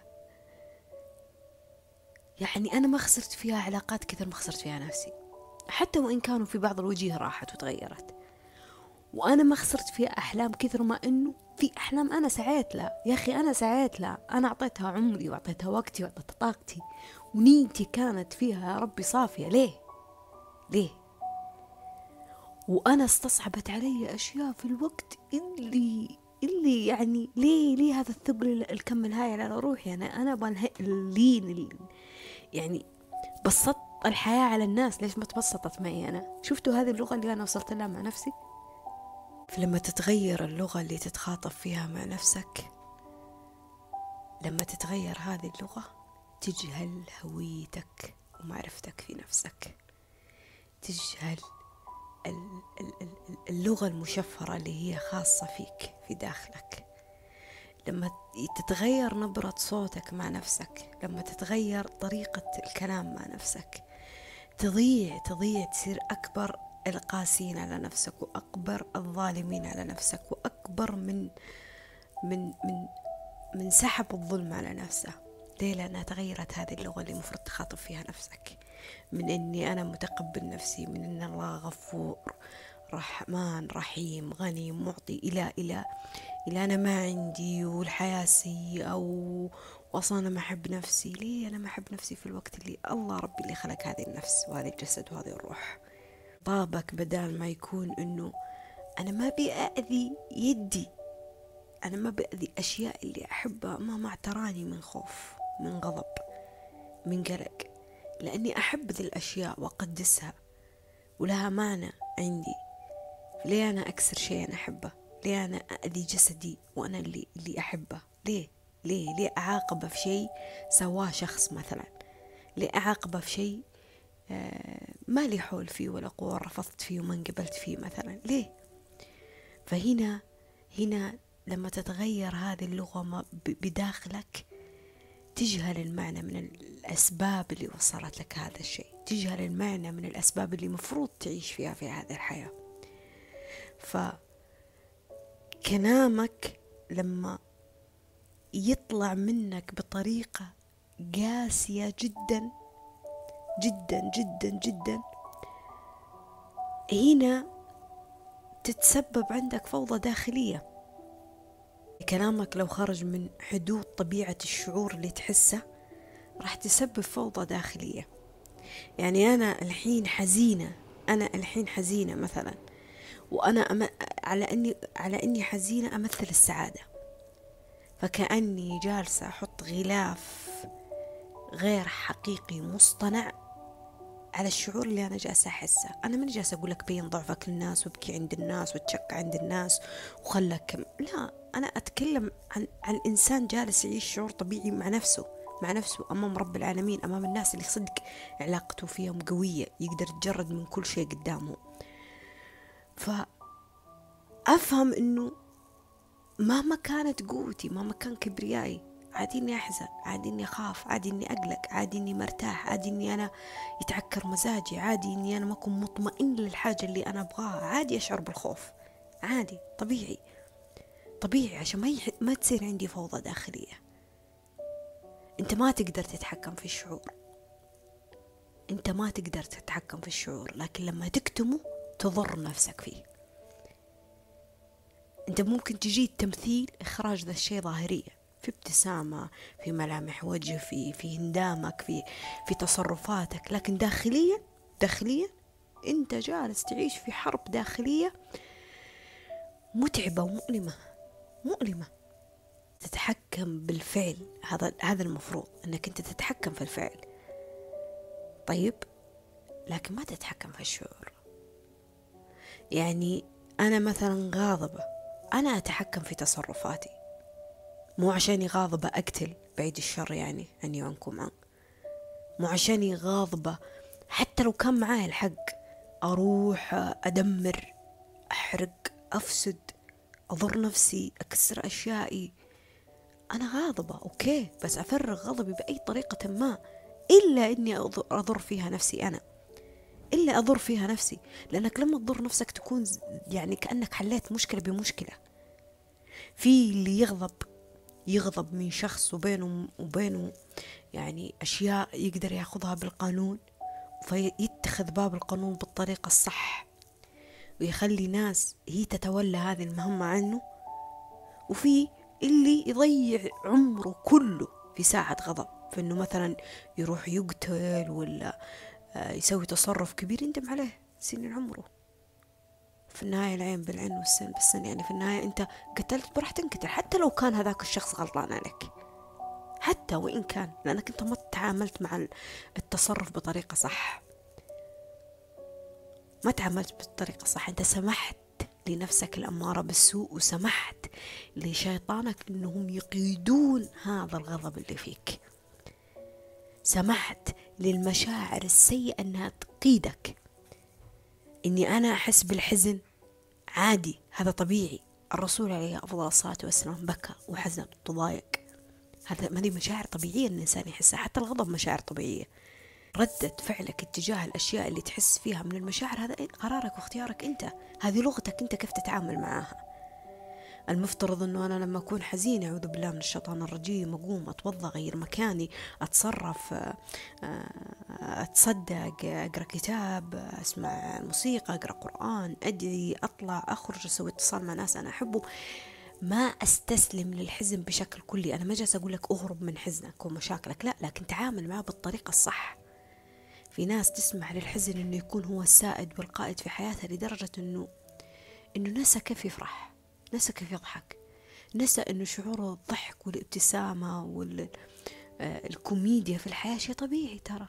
عادي شيء طبيعي إنك تكون فرحان ومبسوط. صار يحس إنه إنه إنه لغته الأساسية في الحياة هي الحزن والغضب. وأنا كذا وأنا سلوبي كذا وأنا مزاجي وأنا عصبي. لا. مع نفسك تبى تكون قاسي ولغتك في تعاملك مع نفسك كذا أنت حر. لكن لما بتطلع من خارج هذه اللغة من مملكتك للعالم للناس للعلاقات الناس ما مجبرة إنها تتحمل سوءك. ولا عللك الناس ما مجبرة إنها تتحمل أسلوبك. الناس مي مجبرة إنها تغفر سوء تصرفاتك ولا كلماتك في سبيل. والله أنا شخصيتي كذا عصبي أنا شخصيتي كذا غاضب أنا شخصيتي كذا مالي خلق أنا شخصيتي كذا أتكلم. الناس مي مجبر إنها تتقبل ذا الشيء. الناس مي مجبر إنها تكمل رحلتها معك. ما تقدر تجبرهم ترى. ما تقدر. حوار للممثل دينزل واشنطن في لقاء قال فيه كلام يعني يدرس هذا الكلام في يعني ينقاس هذا الكلام في ذهب. قال فيه إنه بمعنى الكلام يعني إنه لما تسوي تصرفات معينة في حياتك طيب لما تسوي تصرفات معينة في حياتك وما تحس فيها مشاعر. يعني ما يجيك فيها مشاعر خوف ولا قلق ولا تردد ولا آه، تحاول ولا لما كده ما تحس كده في عدم ارتياح لو حاجة بسيطة. فهذا معناه معناه إنه الشيطان جالس يأيدك على الشيء الغلط. لأنه من الطبيعي إنك لما تسوي أشياء صح تحس في نغزات الشيطان. من الطبيعي إنك لما تسوي شيء كويس تحس بالضيق أحيانا وبالخوف أحيانا. هذا الطبيعي هذا الطبيعي. يعني أنا الحين لما لما أستثقل إني مثلا لما يأذن الله أكبر أستثقل القومة هذه الشيطان يوسوس لي في نفس الوقت نفسي أمارة بالسوء. لكن لما أقول أعوذ بالله من الشيطان الرجيم وخلاص أنا يلا قايم أتوضأ وبصلي فهنا إني أنا قاومت هذه النفس الأمارة بالسوء وقاومت شيطاني اللي هو حيل ضعيف. لكن لما يجيني هذا الكسل وأنا أسمع صوت أذان ولا أقوم أصلي ولا في شيء يحركني لا تأنيب ضمير ولا ولا مشاعر ولا أي حاجة فمعناه إنه الشيطان هنا حاب التصرفات اللي أنت جالس تسويها. لكن لو قررت إنك تقاوم هذا الشعور اللي هو الكسل أو هذا السلوك يبدأ ينغزك. لو استسلمت له ما راح يجيك الشعور اللي في شيء غلط أنت لا أنت جالس تسوي لا قوم صلي. فهمتوا كيف؟ فهمتوا علي؟ الطبيعي الطبيعي إنك تحس في مشاعر متلخبطة أحيانا اتجاه الأشياء أو القرارات أو الاختيارات أو اللغة اللي تمارسها حتى مع نفسك. هذا الطبيعي. الموضوع أشبه باختبار. من الطبيعي إني أنا مهما ذاكرت ومهما حليت واجبات ومهما لخصت ومهما سويت ومهما فعلت من الطبيعي إنه الاختبار يكون له رهبة له خوف له قلق. لكن اللي مو طبيعي إني أنا أقرر إني أنا كنسل روحتي للاختبار وإني أفصل من الجامعة في سبيل إيش؟ اني أنا والله خايف من الاختبار. طبيعي إني أنا أواجه هذا الشعور اللي عندي وأعرف كيف أتحكم فيه. في سبيل إني أنا أستمر في حاجة أنا أؤمن إنها شيء كويس لي. اللي هي مثلا زي الاختبار. المسرح المسرح أغلب الفنانين والممثلين أغلبهم شوف لو تشوفوا تشوفوا لهم لقاءات إيش يقولوا لك؟ يقولوا لك المسرح له هيبته. ما في إنسان يوقف على المسرح ويشعر بالسعادة والطمأنينة والثقة. الثقة هذه هذه سلوك أنت تتعلم فيه كيف تظهر أمام الناس إنك بوقفة كويسة وبنظرة كويسة وبسلوك معين وبتصرف معين. لكن المشاعر من جوا طبيعي تحس بالارتباك طبيعي تحس في مشاعر خوف طبيعي رهبة. ففي أشياء لها رهبتها. هذا الطبيعي. لكن اللي مو طبيعي إنه ما أحس في أي مشاعر فيها. يعني تخيل لا قدر الله لو واحد في لحظة حزن ما يحس بالحزن. ما يحس بالحزن يعني جالس يضحك. عنده عزاء عنده وفاة فقد شخص مرة يحبه. يضحك؟ أنت لو تشوفه إيش تشوفه إيش بتقول؟ إيش الكلمة اللي راح تقولها؟ راح تقول مو طبيعي صح ولا لا؟ هذا إيش مو طبيعي. أو هذه الصدمة عنده أثرت عليه. إي بالضبط هذه هي. هذه هي. المشاعر اللي أنت تحس فيها طبيعية يعني ما في شعور سلبي. طيب يعني ما أقول كلمة سلبي كثيرة لكن ما في شعور سلبي أو غير مرغوب فيه كالحزن كالخوف كالغضب كالزعل كالضيقة كالمزاجية. ما في هذه المشاعر تجي لبني آدم إلا آه إنه هذه المشاعر تجي لكل إنسان على وجه الأرض. لكن طريقة التعامل معها تختلف طبعا هنا. في اللي واعي في اللي غير واعي في اللي يرضى الظلم على نفسه في اللي يدافع عن نفسه في اللي يعرف حدوده في اللي ما يعرف حدوده في اللي يخلي اللي غضبه يقوده وفي اللي يخلي خوفه يقوده. انت انت انت إيش كيف تتعامل مع هذا كله؟ افهم هذه اللغة. كيف لغتك مع نفسك؟ كيف حوارك مع نفسك؟ كيف؟ انت لو تسمع المضرة أو تشوف المضرة من أحد كيف كيف تتعامل مع نفسك؟ عشان نفسك انت كيف تتعامل معها. أنتوا شايفين الام لما طفلها آه، يتمارس عليه تصرف غلط إيش تسوي؟ إيش تسوي؟ هذا المفروض اللي انت تسوي مع نفسك. جسدك هنا لازم يتعامل مع الروح اللي موجودة جوا كيف يتعامل معها؟ فهنا تبدأ تفهم هذه اللغة. طيب أنا فهمت هذه اللغة. أبدأ أفهم متى صارت معايا الأشياء في حياتي. يعني أنا فهمت إيش سبب الغضب اللي جاني الفترة اللي فاتت. والله متى ما أدركت متى ما فهمت متى ما تقبلت متى ما هذا الشيء اللي في داخلك. أنا ما انحلت المشكلة ما زلت أخذ علاجات وما زلت عندي موعد بعد كم شهر. أيوة ما انحلت المشكلة. لكن والله تقبلت. تقبلت لدرجة إنه تقبل المشاعر أعلى من تقبل الجسد. لهذا الشيء ترى على فكرة. يعني جسدك ممكن يكون هزيل تعبان ضعيف لكن مشاعرك تمام؟ كويسة؟ تقدر تتعايش مع الحياة تقدر تمشي في الحياة. فأنا تقبلت بس متى؟ لما أدركت وفهمت هذا الشيء لما استوعبت هذا الشيء عرفت إيش الأسباب اللي وصلتني لكذا. في علاقة أنا كنت غاضبة فيها جدا جدا. في يوم من الأيام استوعبت أنه غضبي الحقيقي من هذه العلاقة هي عبارة عن أسباب صارت في العلاقة أنا ما بينت فيها عدم رغبتي فيها أنها تصير يعني مثلا ما قلت لهذا الشخص لا تتكلم معي بهذه النبرة لا تتعدى حدودك هذا الشيء لا هذا الشيء خاص فيني. لا أنا سمحت. أنا سمحت للشيء اللي أنا وصلني بسبب كتماني وكبريائي لمرحلة كنت غاضبة فيها. فإذا أنت تحس اليوم باحتياج بغضب بزعل بمزاجية بعصبية إذا تحس بخمول تحس بكسل اسأل نفسك السؤال الصح. أنا إيش هي الأسباب اللي وصلتني لهذا الشيء؟ سبب جسدي.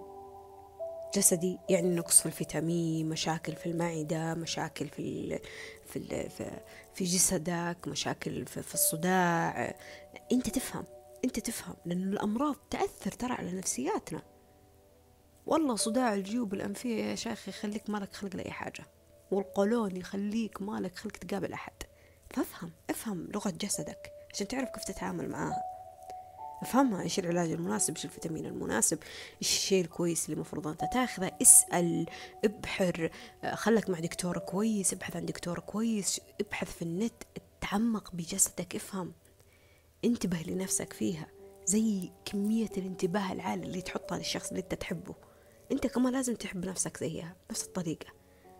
يكون مو سبب جسدي طيب. ممكن يكون سبب نفسي.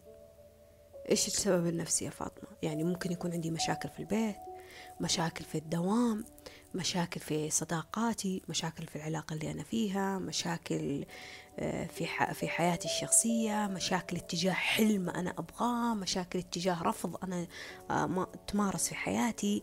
آه، أفهم. طب يمكن صدمة أنا مريت فيها وما عرفت كيف أتعامل معاها. ظرف مريت فيه ماني عارفة أتعامل معاه. نفس الحكاية الاحتياج. أفهم إيش اللي وصلني لهذا الشيء. إيش اللي وصلني لهذا الشيء؟ متى ما فهمت نفسك ووعيت فيها متى ما أدركت وتقبلت. شفت لما تدرك وتتقبل تقدر تحل المشاكل. تقدر. لما تتقبل وتفهم نفسك وتوعى فيها تقدر تحل المشاكل. والله تقدر. تقدر. تقدر تستوعب ذا الشيء. حتى لو تاخذ منك وقت راح تكون في مرحلة تقبل اللي تساعدك إنك تحل هذه المشاكل. بس, افهم إيش الأسباب اللي وصلتك لهذا الشيء. هو جانب مالي هو جانب نفسي هو جانب صحي هو جانب عائلي هو جانب علمي هو جانب مهني. هو وش الجانب اللي أنا جالسة أمر فيه سبب لي هذه اللغة السيئة اللي أنا جالسة أتعامل فيها مع جسدي نفسي روحي مشاعري أفكاري. وبين قوسين قبل ما ننتقل للنقطة الثالثة. الأفكار ما تمثلك. والمشاعر أحيانا تخدعك. فهمتني؟ مو هو كل فكرة تيجي في راسك يعني هي عبارة عنك. من رحمة الله فينا إنه الفكرة السيئة ما تاخذ إثمها لما تسويها. ما تس... لما تسويها. أنا خلاص قررت إني أحولها من فكرة لسلوك. تاخذ ذنبها. لكن الفكرة الكويسة الفكرة الكويسة حتى لو نويت تسويها وباقي ما سويتها صارت عندك عراقيل ولا أشياء أخرتك أنك تسويها تاخذ أجرها. لما تسويها ولما نويت أنت تسويها. وهذه رحمة من ربي. فأفكارك الملوثة السيئة ما تمثلك. ما هي هي؟ فاسمح لها تطلع اسمح لها تجي. أحيانا ممكن تكون برمجة مغلوطة أحيانا صدمات أحيانا صدمات طفولة أحيانا علاقات مع صداقة غلط أحيانا تجربة زواج مرينا فيها أحيانا مكان اشتغلنا فيه دراسة درسناه أحيانا تجربة في شارع سفر. أشياء هي سببت هذه الأفكار. أحيانا مواقع التواصل حتى. فمو كل فكرة عقلك يبحر فيها تعطيها الحيز والاهتمام والتضخيم الأكبر. ولا كل شعور أنت تحس فيه بالضرورة أنه حقيقي. أحيانا حتى اللي تسميه حدث أو حاسة سابعة ولا سادسة تكون كذبة. وهم. وهم. أحيانا أحيانا مشاعرك تخدعك توهمك بهذا الشيء. خليني أعطيك مشاعر الخوف. ويلا وعقلك يبدأ يكبر لك حجم هذا الخوف ويلا لا تروح الاختبار. ضع منك الاختبار وارسم الاختبار.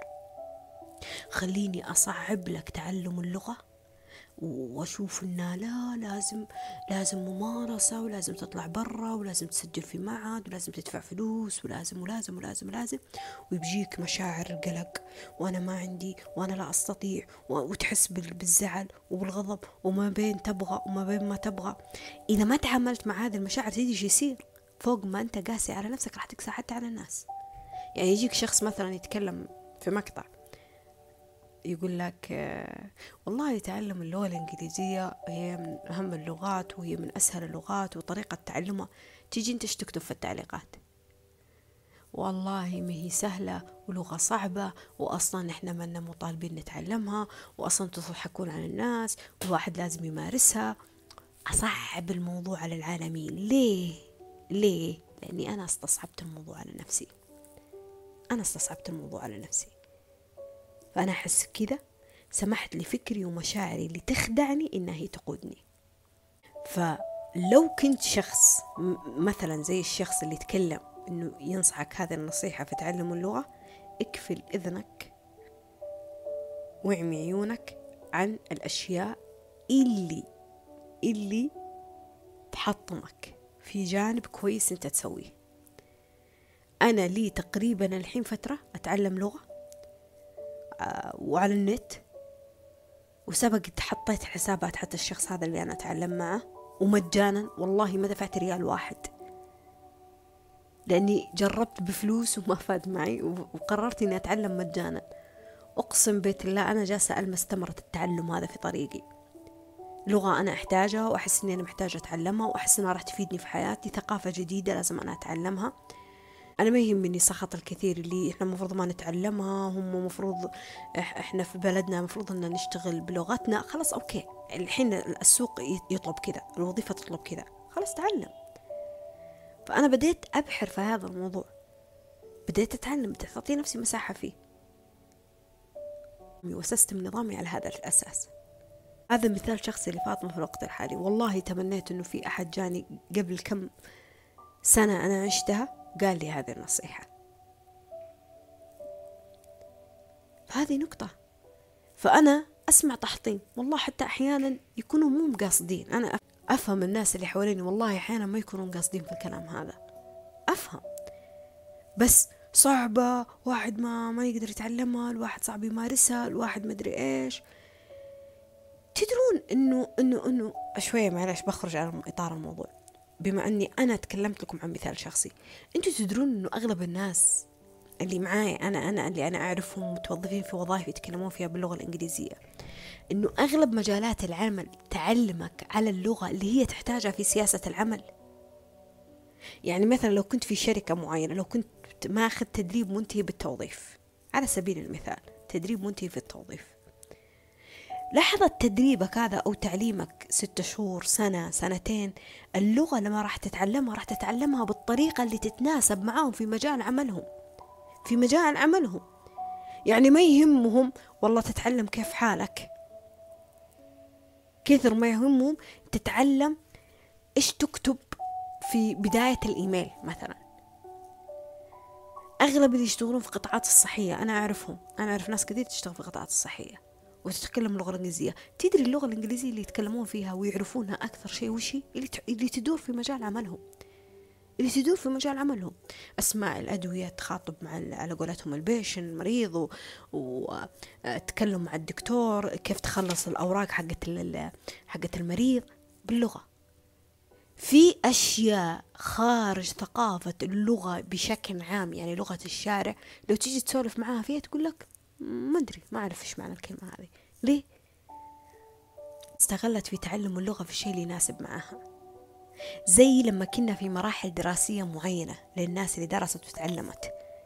ممكن تدرس في الابتدائي لغة وفي المتوسط وفي الثانوي. طيب أنت كنت تذاكرها وتتعلمها وتحل البحث وتكتب التعبير في سبيل إيش انك تنجح. صح ولا لا؟ لك غرض معين فيها. فهذه هي الفكرة. انت مو عشان تتعلمها لازم تكون واو فيها. wow. أنا جلست مع نفسي كده الجلسة اللي حببت نفسي فيها ترى على فكرة بعد سلسلة من التحطيمات والاستمرارية والوقوف والسقوط في تعلمها. قلت لنفسي يعني مو لازم فاطمة تكونين أنت perfect فيها. مرة ممتازة في, في, في, في كتابتها وفي كلامها وفي في تعلمها. لا لا لا لا, لا. يكفي إنك جالسة تسعين وتحاولين. يكفي إنك تقدرين تخارج توصلين لمرحلة تقدرين تخارجين نفسك فيها. هذا بحد ذاته كويس.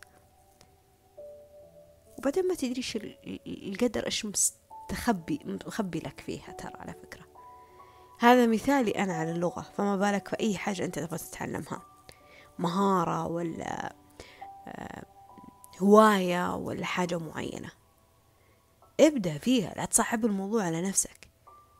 لا تصعب لا لا أنا مستحيل أوصل للمرحلة اللي واصل فيها ذاك الشخص. أنت إيش دخلك ذاك الشخص؟ أنت عليك الحين في نفسك. بلغتك أنت بقدرتك أنت بحدودك أنت برغبتك أنت. هذا أنت حدودك. أنا ما أقدر صعبة. طب جرب. أنت بديت. جرب. ولا بس عشان هم قالوا صعبة أنت ما تقدر تسويها. يا أخي جرب. فشلت خلاص. أنتوا تدرون أنه أنا جتني فترة. أقسم بيت الله أحب الرسم بشكل أنتوا ما تتخيلونه. بشكل أنتوا ما تتخيلونه. أحب الناس يعني أتابع كثير ناس اللي لها طقوس في الرسم. عرفتوا؟ هذول الناس اللي يجلسون أمام لوحة ومستكنين والقهوة والموسيقى وشتلة الزراعة كذا. كنت دائما أتمنى أنه أنه ربي رزقني هذه الموهبة اللي أنا أقدر أجلس فيها في غرفة أكونها كذا. لكني أنا ما رسامة. أصلا. ف فتجذبني اللوحات.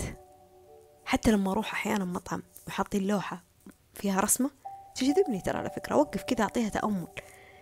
تجذبني الألوان تجذبني آه، التناسق. أحيانا أبحث عن لوحات معينة في البانترست ولا في في صفحات أو للرسامين. أقول يا الله عقلة ومشاعرة لأي مرحلة وصلت في في في في التعمق اللي خلت يده توصل لهذا النسج في الرسمة. تخيلوا أنا وصلت لهذه المرحلة. تفتكروا ما قد جربت؟ والله مرة رحت واشتريت لي لوحة واشتريت لي ألوان واشتريت الأشياء حقت الرسم. ويلا هاتك خربيش خربيش خربيش. إلين ما وصلت لمرحلة في يوم قلت لا لا.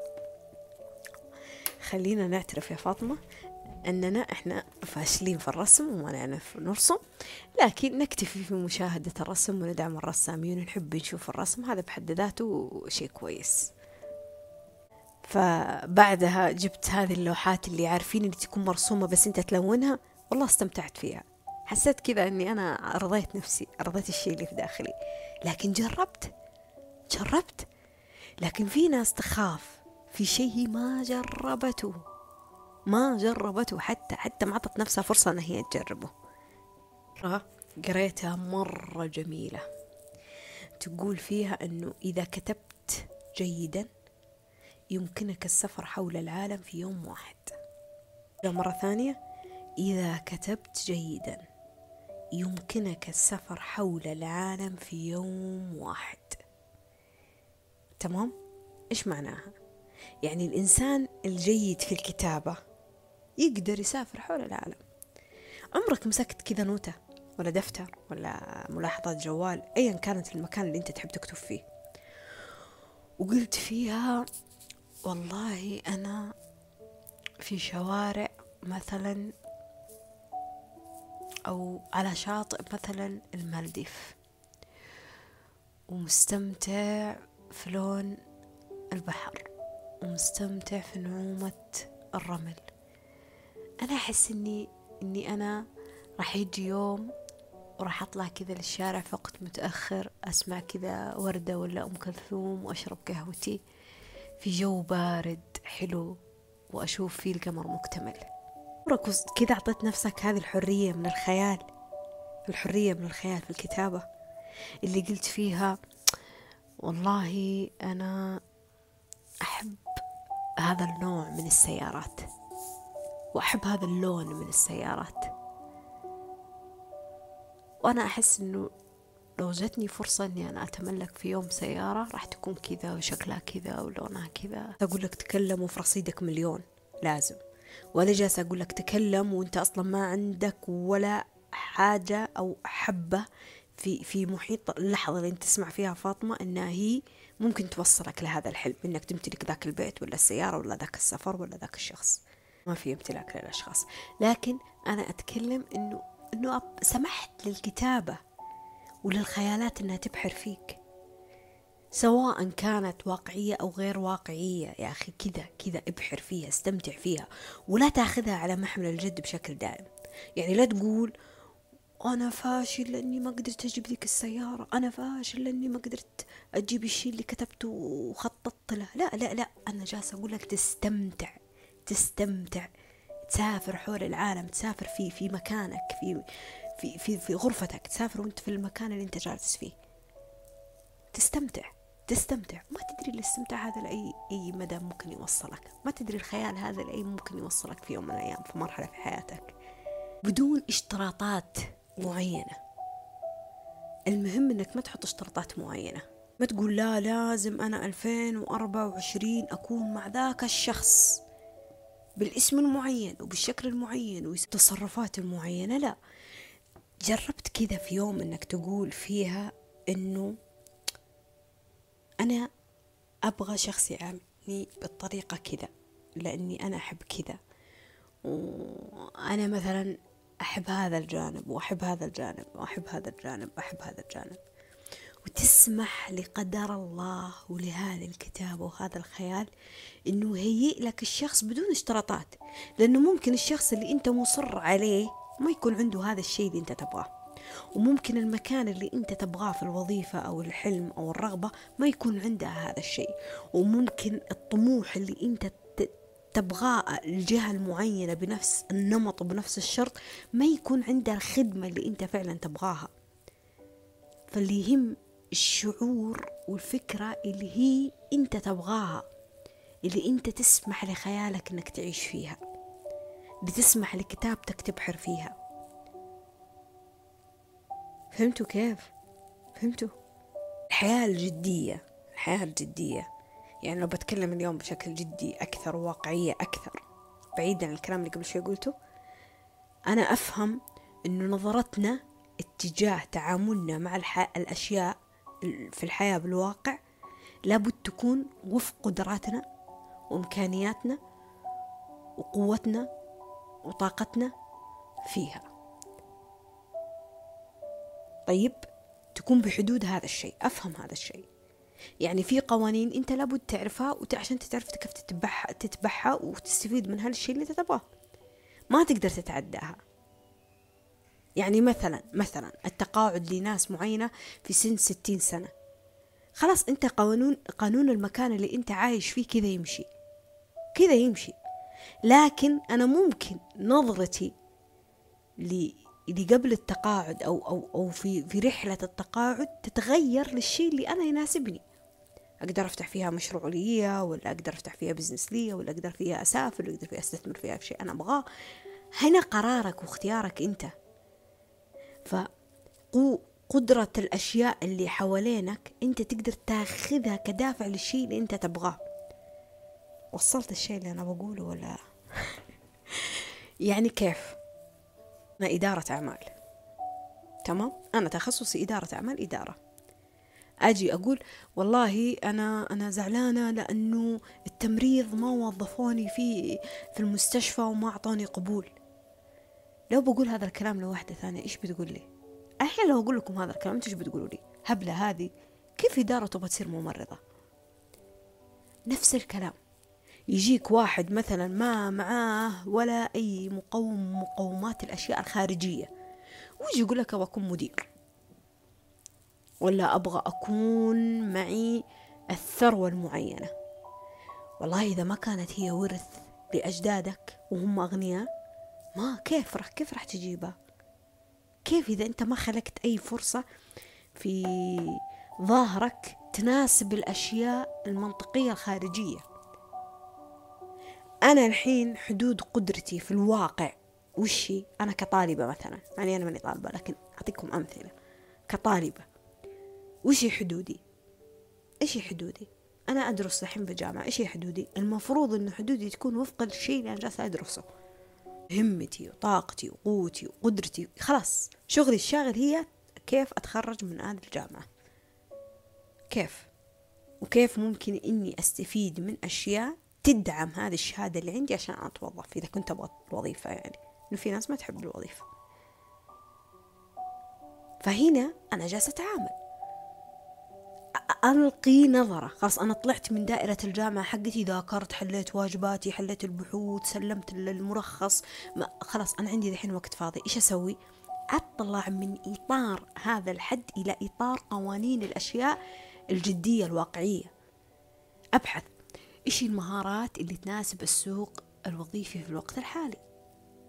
وشي لازم يكون معي لغة لازم يكون معي حاسب. أه. أوكي. أبدأ أهيئ نفسي لهذا الشيء. أبدأ أهيئ نفسي لهذا الشيء. سواء أدخل معهد عن بعد سواء أدخل دورات مجانية ولا تقولوا لي ما في. والله النت مليان أشياء مجانية وعليها شهادات. عليها شهادات. يعني إذا أنا ما أبغى أدفع. أبدأ أتعلم أشياء معينة. ترى أغلب الناس اللي تعلمت التصميم وتعلم أنا تعلمت الكتابة وكنت أكتب في صحيفة ومقالات. الله أنا أحب إني أمدح نفسي شوي. ما حد علمني. أنا أنا عم أنا اعتمدت على نفسي. أنا كنت أقرأ وكنت أبحث وكنت أسأل وكنت أتلقف على ناس تكتب. إلى لما وصلت لمرحلة نزلت مقالاتي في صحف. خلاص تبدين انت كمثال الجامعة اللي اعطيتكم إياه. خلاص أوه الحاسب أبدأ أطور نفسي. ما في حلطمة ما في حلطمة. لا أنا والله تخصصي وخلاص تعبت وكمان أعلم نفسي. أنت تبغى تتوظفين السوق كذا يقول. أنا لما جاني رفض في وظيفة وكل السي في حقي توافق معاه. والله العظيم ما بالغ كل السي في حقي توافق مع السيرة الذاتية حقتي توافقت مع الوظيفة. إلا حاجة واحدة ناقصتني حاجة واحدة بس ناقصتني تدروا وش هي؟ اللغة. زعلت. والله زعلت. قلت الحين اللغة تخرب علي. قهر. خلاص بعدين أخذته كتحدي مع نفسي. التحدي مو اللي هم وغم وضرب في النفس وجلد في الذات. لا التحدي اللي أنا عندي رغبة.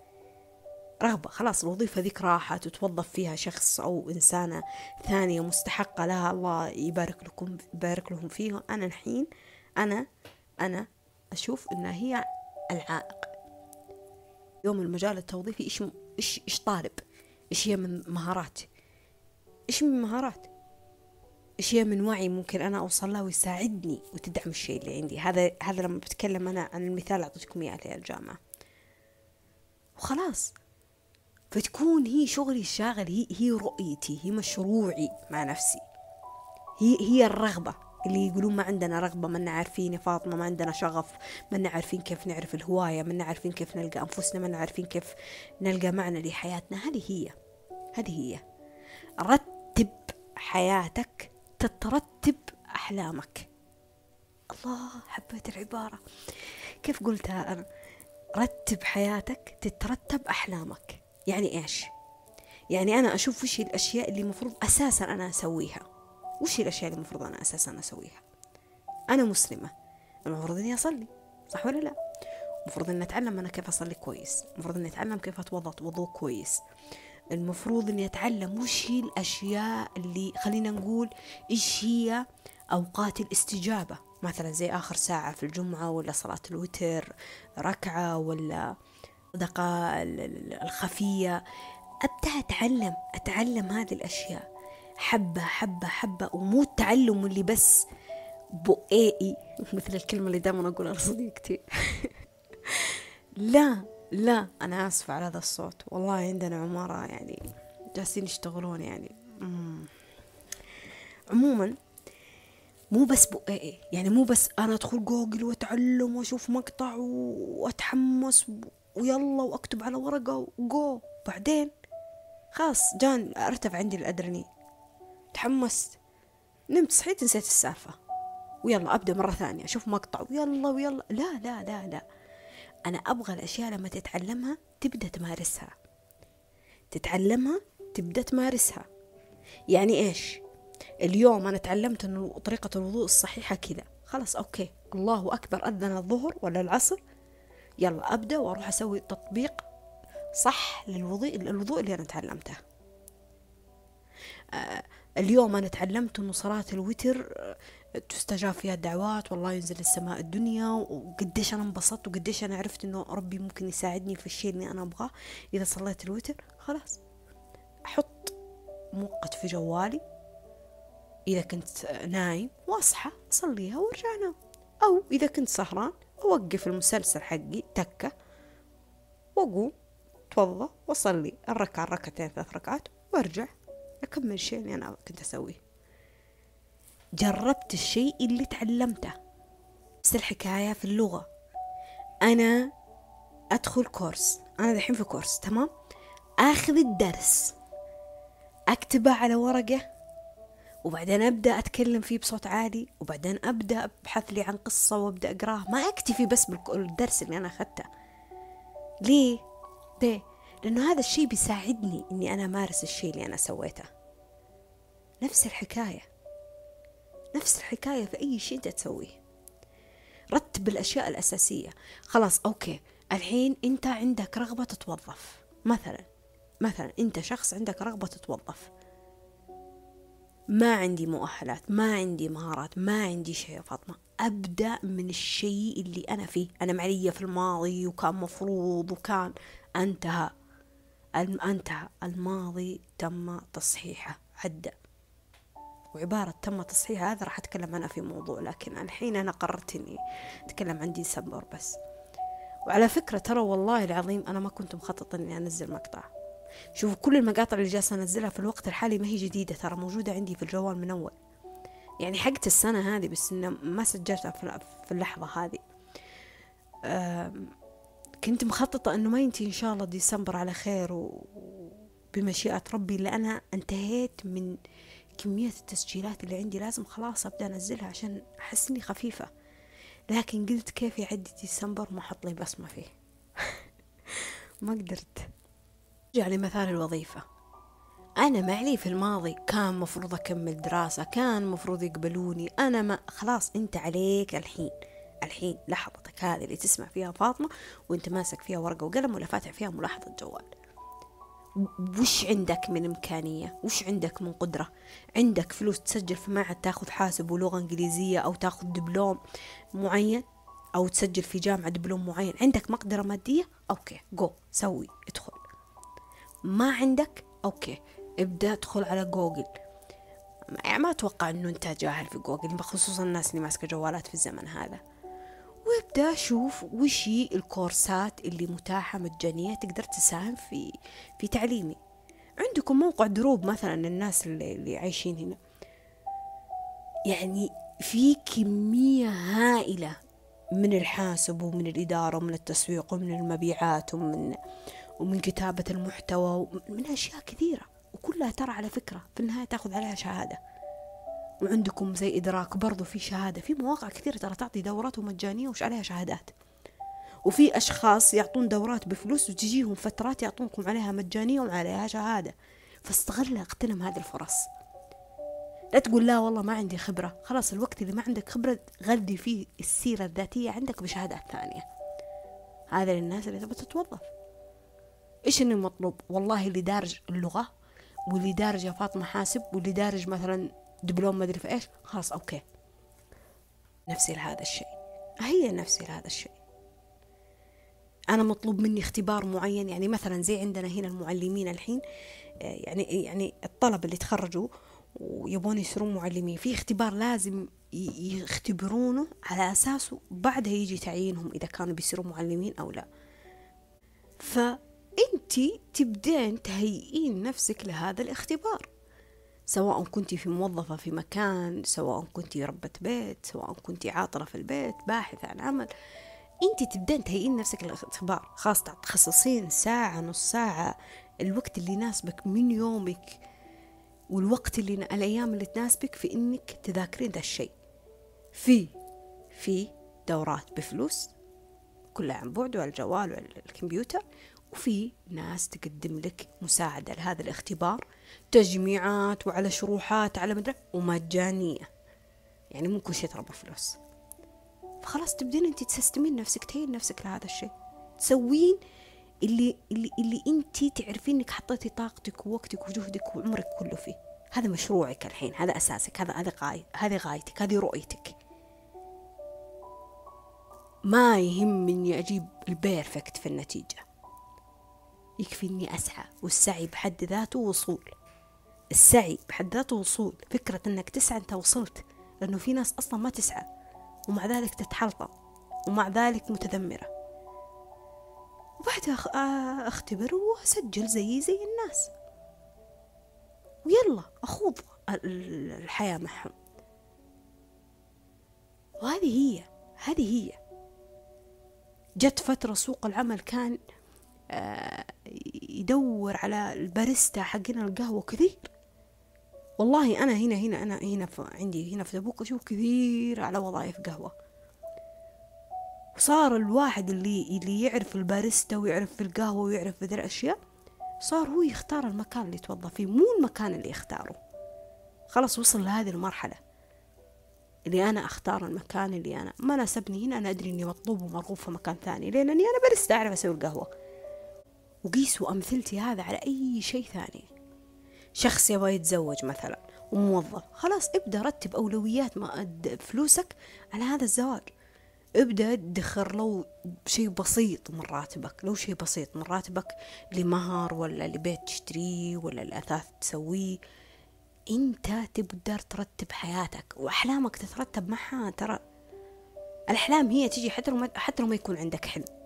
ما عندك حلم الأحلام هي تيجي لحالها. بس شوف وش الأشياء الأساسية. وش الرغبات اللي المفروض إنك أنت تسويها. وهذا الشيء بيعطيك دافع. يعني أنا أنا يعطيني دافع والله. شوفوا أنا باحثة عن عمل بيعطيني دافع إني أصحى الصباح أسوي لي قهوة. والله أحيانا أشتغل حتى بعد الظهر عادي. بس إني أصحى وأسوي لي قهوة وأجلس على المكتب وأشغل الكورس. أنا أعطاني دافع. دافع إني اليوم أنا أعرف إيش بسوي فيه. واحيانا يكون لي خلق وما لي خلق المهم إني أستمر. مثلها مثل لما فتحت لي قنوات وجلست أتكلم فيها. أعطتني دافع إني أنا أشارك الناس أتكلم مع الناس أشوف تعليقات الناس أرد على الناس والناس يردوا علي. يعني دافع إني أنا أستمر في هذه الحياة إني أسعى في حاجة معينة.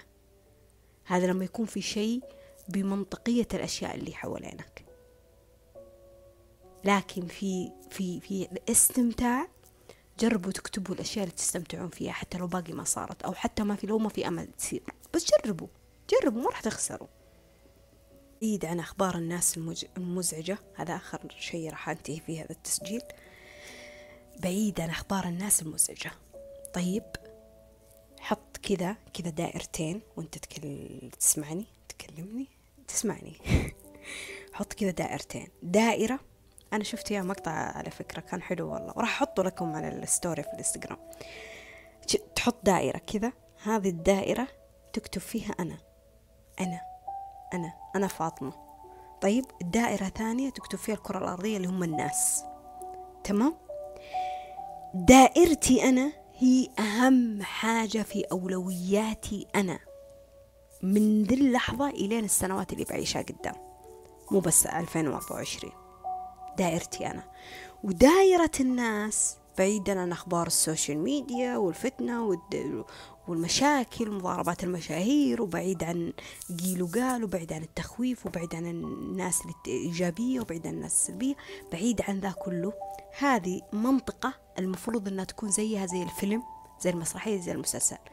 زي لعبة ال PlayStation لما تشغل ال PlayStation تبغى تلعب تستمتع بعدين تطفي تبدأ إيش؟ تواجه الحياة الواقعية اللي هي يومك وصلاتك وأكلك وشربك وطلعتك وحياتك. فهذول هم كذا عاملهم. هم مو هم الحياة أنت الحياة.